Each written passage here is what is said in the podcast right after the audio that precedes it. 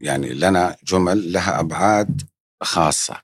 وأيضا تتميز موسيقانا بإيقاعاتها إحنا عندنا الكثير جدا من الإيقاعات يمكن المستخدم ترى ممكن 30% من من التراث يعني.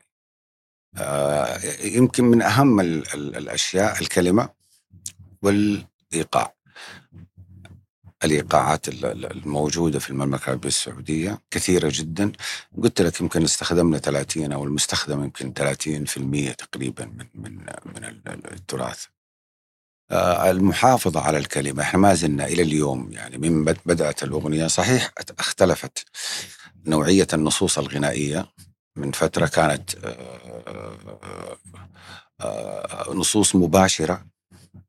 يعني فكرة النص كانت مباشرة وحصل تطوير أيضا زي ما حصل تطوير في في الموسيقى حصل تطوير أيضا في الكلمة لأنه هي يعني الاثنين مكملين لبعض حصل تطوير في الكلمة أول كان النص مباشر يعني الكلام مباشر آه، أصبح في صورة شعرية أصبح في رمزية في النص أصبح عرفت كيف؟ نعم.